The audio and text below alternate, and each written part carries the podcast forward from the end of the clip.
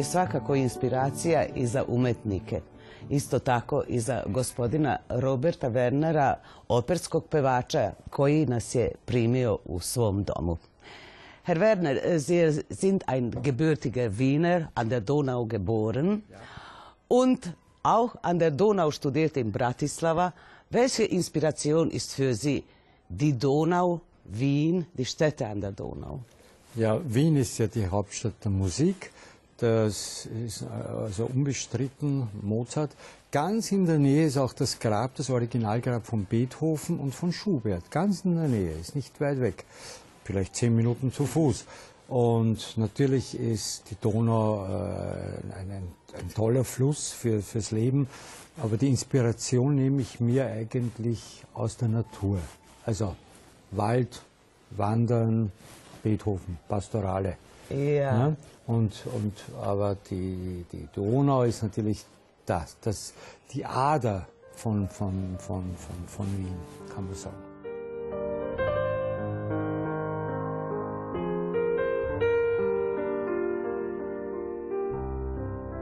Jetzt möchten wir auch ein bisschen mehr von Ihnen hören, von Ihrer künstlerischen Karriere. Sie haben mit vier Jahren begonnen, wie ich gelesen habe. Ja, ja, mit vier Jahren. Mein Vater hat neun Instrumente gespielt und die Musikalität habe ich natürlich von meinem Vater her. Und er hat mich am Anfang auch unterrichtet, aber dann bin ich ins Konservatorium gegangen dann und so weiter. Und das ist dann der Werdegang, ist sehr interessant, weil ich an und für sich auch Popmusiker war, sehr lang in der Studienzeit. Habe ich mit sehr großem Erfolg in der Schweiz gespielt, in Deutschland. Und dann bin ich zurück, dann war ich am Raimund-Theater, Operettentenor, vier Jahre. Ja, und dann an die Staatsoper mit, im 82er Jahr. Bis vor zehn Jahren. Jetzt bin ich Freelancer.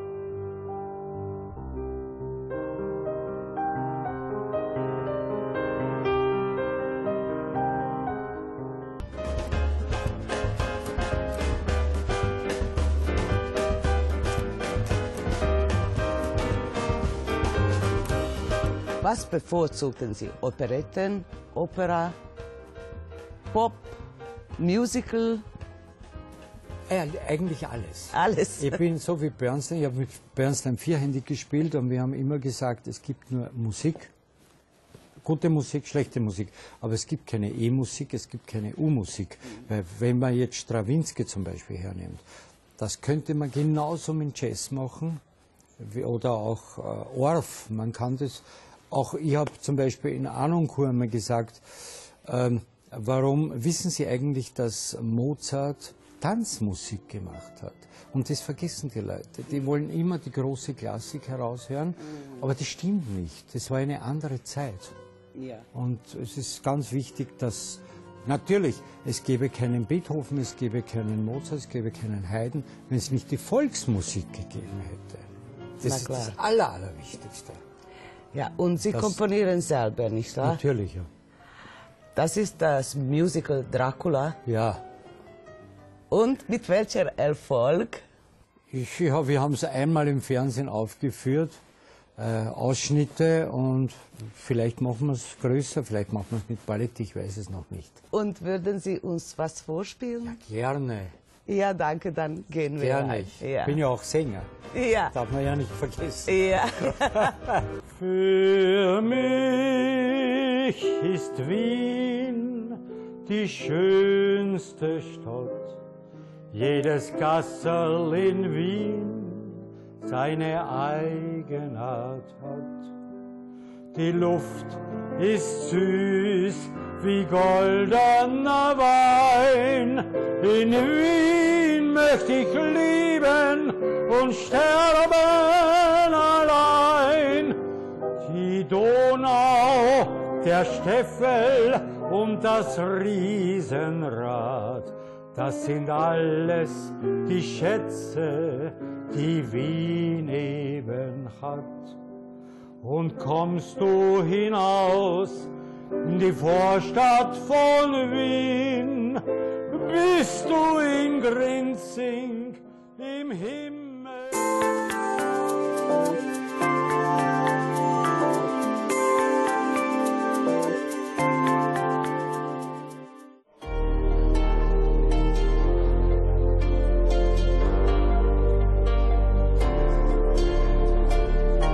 Das Symposium Deutsche Minderheit und Europa fand vom 23. bis zum 25. Mai in Sombor statt.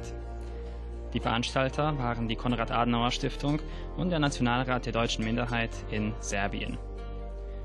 Während der drei Tage hielten Vertreter der deutschen Minderheit aus Osteuropa Vorträge zu verschiedenen Themen bezüglich der Minderheit. Darüber, wie die Lage der Selbstorganisationen ist, über das Schutzniveau der Minderheitenrechte sowie über Fragen der Mediendarstellung. Anwesend war auch der Beauftragte für Aussiedlerfragen und nationale Minderheiten, Professor Dr. Bernd Fabricius, der eine Festrede hielt.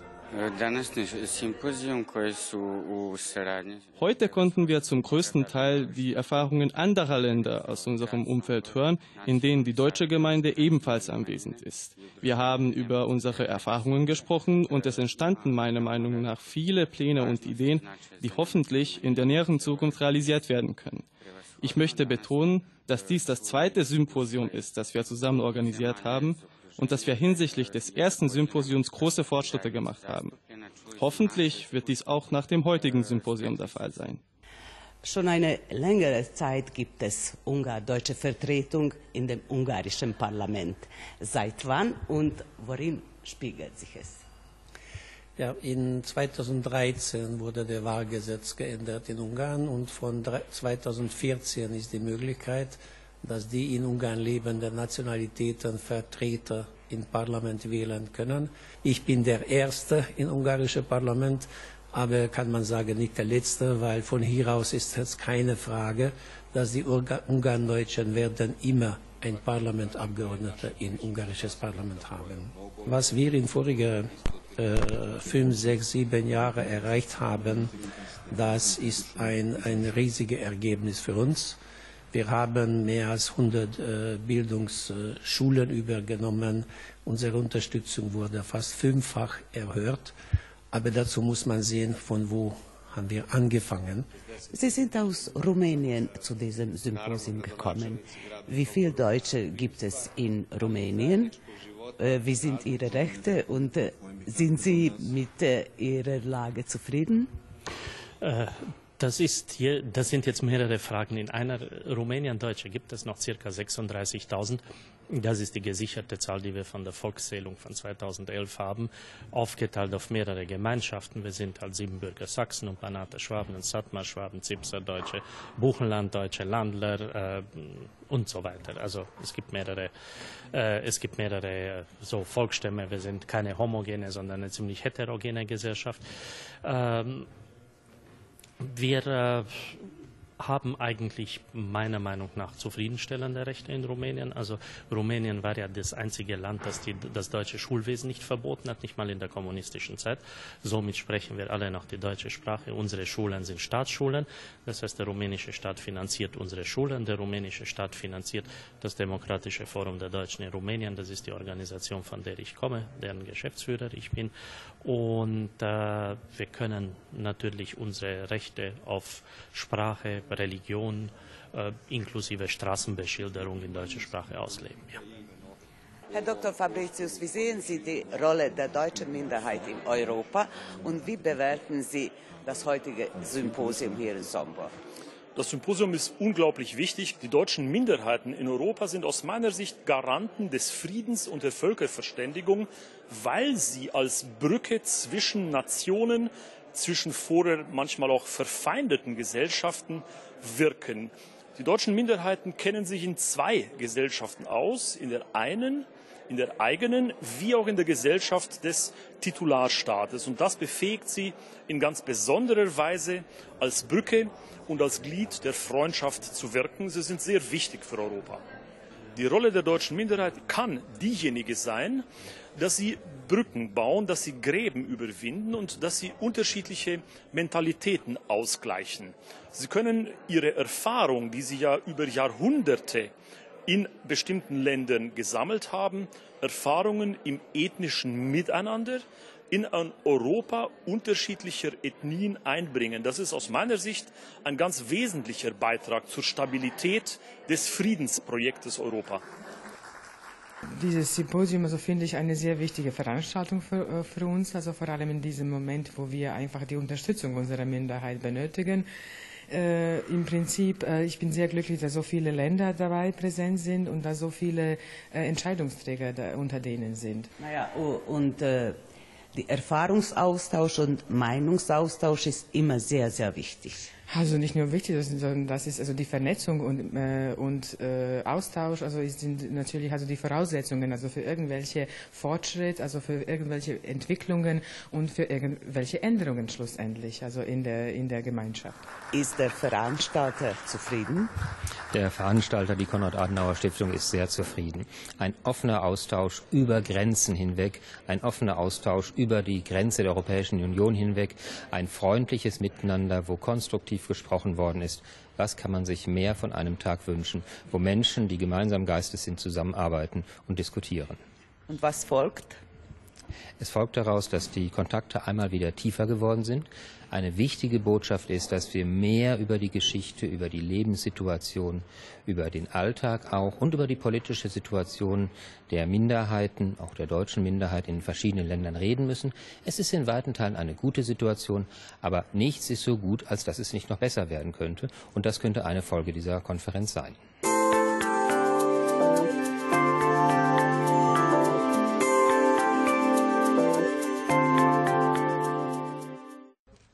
28. Mai eröffnete Nationalrat der deutschen Minderheit feierlich sein Banatbüro in Großbetschgerig. Das Büro ist in den Räumlichkeiten des Haus Regina Zentrums untergebracht. Das Haus Regina ist einer der jüngeren deutschen Vereine, der sich zum Ziel die Förderung und den Erhalt des Kulturerbes der Donauschwaben aus dem Banat gesetzt hat. Der Einweihung des Büros wohnten der Präsident des Nationalrates der deutschen Minderheit Michael Platz und der stellvertretende Bürgermeister von Slenjanin Sascha Santovic bei. Wir sind heute hier, das Büro des Rates der deutschen Minderheit für Banat zu eröffnen und von Großbergkirch ein Zentrum, das heißt eine Zentrale, ein Treffpunkt für die deutschen Vereine aus dem Banat zu machen und äh, sie dadurch mehr möglich in der Tätigung und äh, in den Projekten zu vereinigen, das heißt äh, zu vernetzen. Äh, auch dazu steht im Vordergrund die ähm, Entwicklung der Mitarbeit zwischen den deutschen Vereinen äh, in äh, rumänischen Banat und zwischen den rumänischen und serbischen Banat. Äh, als äh, Zentrum der Banate Schwabenhaus Regina äh, haben wir vor für diesen Sommer, das heißt mit Hilfe dieser, dieser Veranstaltung, dieser, ähm, mit Hilfe diesem Büro, verschiedene Programme zu veranstalten. Das Haus Regina ist nach der Mutter von Jimmy Stefanov benannt. Er hat das Haus seiner verstorbenen Mutter der Organisation zur Verfügung gestellt. Regina war Donauschweben und heute steht ihr Bild im Haus, das jetzt zum Zentrum der Banater Schwaben geworden ist. Stepanow ist als Maler und Grafiker in Deutschland tätig und er besuchte seine einstige Heimatstadt angesichts dieses Ereignisses. Meine Mutter, die leider vor vier Jahren gestorben ist, wäre wahrscheinlich euphorisch nochmal sterben. Vom, vom Glück, dass äh, sowas entstanden ist. Sie war ja fast lebenslang in, in, in München auch und ist eben im Geburtsort, wo sie geboren ist, auch gestorben. So dass das nicht weit weg ist von, von dieser Art, wie sie geprägt ist als Humanistin, als Tolerantin, trotzdem sie sehr viel gelitten hat nach dem Zweiten Weltkrieg. Und trotzdem war sie sehr so dieser Prägung Banater Schwaben und überhaupt diese Atmosphäre, was hier damals zu ihrer Zeit vor dem Krieg und nach dem Krieg. Bei mir ist das eine Art Voraussetzung, dass ich diese Linie auch, diese Art äh, Altruismus, offen gegenüber allen Nationen und keine, keine äh, strikte Be Bevormundung oder Bevorzugung äh, die deutsche äh, Minderheit. Selbst äh, die, die Verwandten in Augsburg und überhaupt, die nach dem Krieg ausgewandert sind, am gleichen Tag wurde auch die Wanderausstellung Ansiedlung der Donauschwaben in der Vojvodina eröffnet, die bereits in Sombor und Subotica zu sehen war. Gledate paletu. Izbor iz emisija na jezicima nacionalnih zajednica.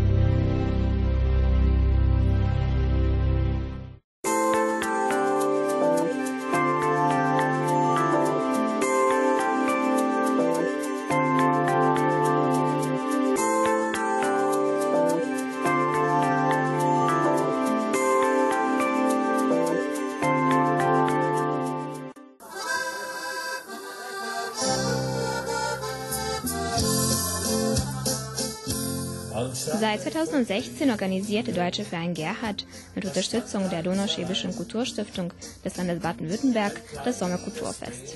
Zum vierten Mal versammelten sich dieses Jahr Donauschwaben, Vertreter der deutschen Vereine und Organisationen, die die Arbeit der Vereine unterstützen, wie auch Freunde aus der ganzen Vojvodina, den Nachbarländern, um zusammen die deutsche Identität zu feiern. Der Präsident des Nationalrates der deutschen Minderheit, Michael Platz, begrüßte alle Gäste.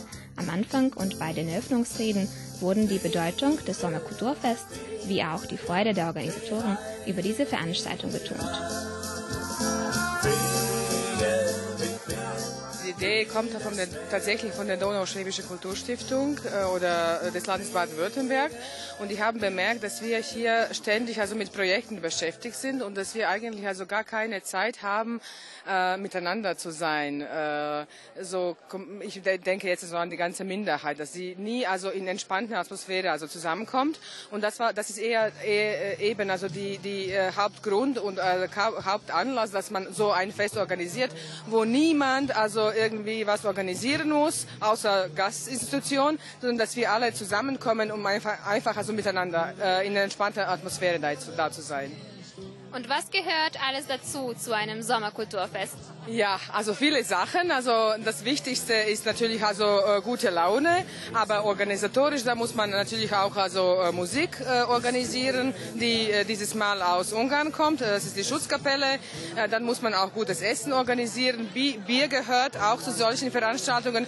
Zum Essen muss ich hinzufügen, äh, das wird nicht einfach vom Restaurant bestellt, sondern also wir haben einen also Koch, der das Fleischspezialitäten also alles alleine also macht. Das heißt, das ist auch so ein bisschen mit Ehrenarbeit also verbunden. Ich bin begeistert zu sehen, wie vielfältig die Arbeit äh, der Vereine hier ist und auch wie sehr die deutsche Gemeinschaft hier noch lebt, die deutsche Minderheit auch sich immer wieder verjüngt. Äh, es kommt immer wieder Neues nach und ähm, ich, äh, ja, ich freue mich, hier sein zu können bei diesem Sommerfest und das auch zu erleben.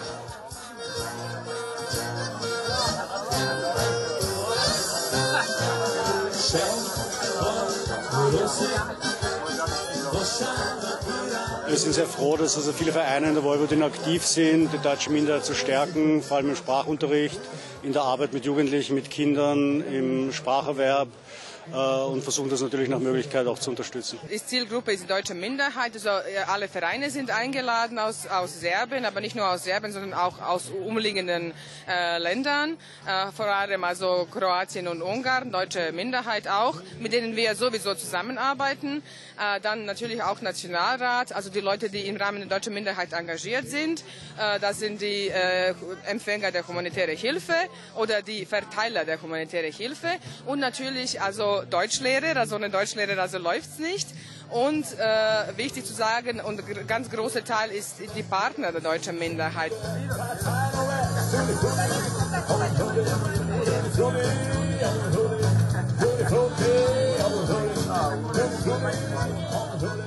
Was ist die Bedeutung dieses Kulturfestes? Ähm, welche Bedeutung hat das für die deutsche Minderheit hier? Ich glaube, das kann man gar nicht äh, groß genug schätzen. Es ist tatsächlich die Möglichkeit für die deutsche Minderheit zusammenzukommen, zusammen zu feiern, aber auch sich auszutauschen, Netzwerke zu bilden. Und es ist ja nicht nur die deutsche Minderheit hier in Serbien, es kommen ja auch Gruppen aus Kroatien, aus Ungarn, also auch grenzüberschreitend. Äh, ich finde, der europäische Gedanke ist da auch etwas, was eine ganz, ganz große Rolle spielt. Und das äh, ist richtig gut und schön. Meiner Meinung nach ist es wichtig, weil erstens nicht nur Mitglieder der deutschen Minderheit äh, in der Vojvodina hier zusammenkommen, sondern auch äh, grenzübergreifend aus den Nachbarländern. Und es ist, glaube ich, einmal im Jahr ein besonderer Moment, wo sich alle treffen, austauschen können und vor allem gemeinsam feiern können. Wie sind Sie mit dem diesjährigen Sommerkulturfest zufrieden? Also ich bin äh, sehr zufrieden. Ja, es ist, es ist ja zum vierten Mal, dass wir das organisieren und dann ist man schon also irgendwie äh, entspannt äh, dabei, weil wir das schon äh, vierte Mal also das machen und eigentlich also ich bin sehr zufrieden und ich werde auch so äh, bleiben, wenn es kein Regen kommt noch.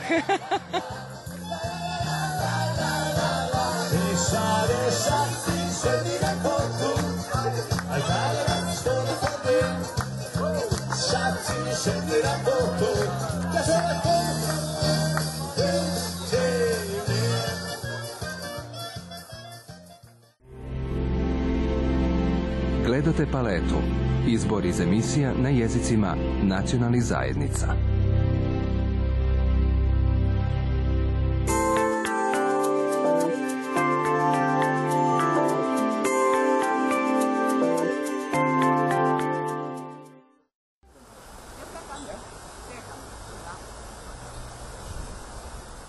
Also wir sind im Fischerviertel und äh, das ist das älteste Teil von dieser wunderschönen Stadt. Ja, Ulm ist zunächst eine mittelalterliche Stadt, die es vor allem im 14. und 15. Jahrhundert zu hoher wirtschaftlicher und kultureller Blüte gebracht hat. Und davon zeugt ja vor allem noch das Münster mit dem höchsten Kirchturm der Welt. Ähm, Ulm hat eine bedeutende mittelalterliche Geschichte und wir sind hier auch in einem der ältesten Quartiere hier in Ulm, in unserem Fischer- und Gerberviertel. Das ist ein Handwerkerquartier, das hier an diesem kleinen Fluss liegt, an der Blau, die in Blaubeuren entspringt, 20 Kilometer westlich von Ulm und in zwei Armen durch die Altstadt fließt und dann idyllisch in die Donau mündet. Da haben sich im Mittelalter die Handwerker niedergelassen, die das Wasser für ihre Arbeit brauchten. Die Fischer, die Gerber, die Garnsieder. Und die Wasserkraft der Blau wurde auch zu allen Zeiten genutzt. Hier waren viele Mühlbetriebe. Heute ist dieses Fischer- und Gerberviertel auch so ein bisschen das Ausgehviertel der Ulmer. Hier hat es sehr viel Gastronomie, die alten Gasthöfe, Cafés und Kneipen findet man hier auf sehr engem Raum.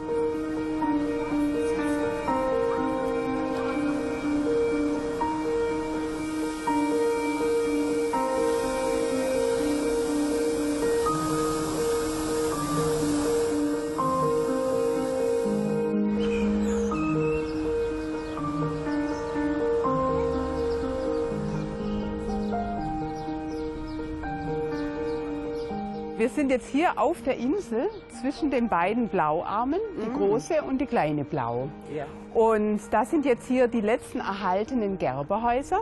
Die gingen vorm Krieg mal weiter bis fast zum Bahnhof an der Blau entlang. Die anderen sind kriegszerstört, aber das sind die letzten erhaltenen Gerberhäuser und die brauchten das Wasser Mhm. zum Spülen ihrer Häute bei der Lederherstellung. Ist es heute ganz anders, ein eher exklusiveres Viertel mit äh, sehr schönen Häusern. Komplett unter Denkmalschutz steht es hier Ja. alles. Und ähm, das war in den letzten 20 Jahren eigentlich, wo es da diesen Wandel gab und wo die Häuser so schön restauriert wurden. Ja.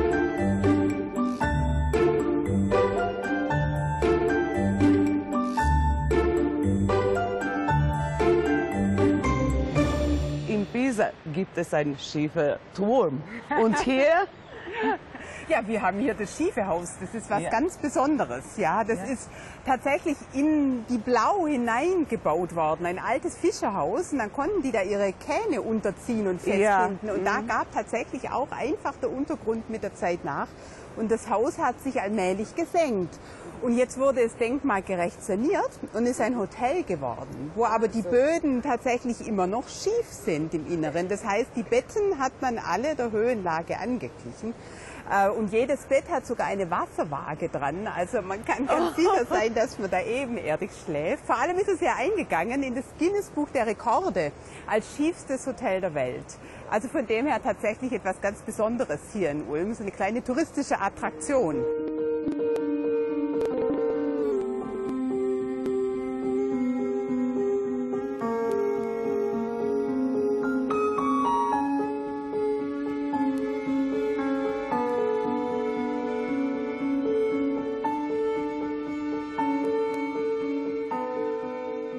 Hier zeigen wir was, was man drei in eins nennt, nicht wahr? ja, da haben Sie tatsächlich recht, weil in Ulm fließen nämlich drei Flüsse zusammen. Ja. Das ist vor allem natürlich die Donau und die Blau, die wir bereits gesehen haben. Ja. Und noch ein dritter Fluss fließt hier in die Donau und das ist nämlich jetzt die Iller. Die Iller, die kommt aus dem Allgäu und bringt sogar mehr Wasser mit wie die Donau. Und dadurch wurde die Donau lange Zeit auch ab Ulm schiffbar. Und darauf bezieht sich übrigens auch der Name Ulm. Ulm kommt aus dem Germanischen, Indogermanischen und meint Schwall, also bezieht sich auf den Zusammenfluss dieser drei Flüsse.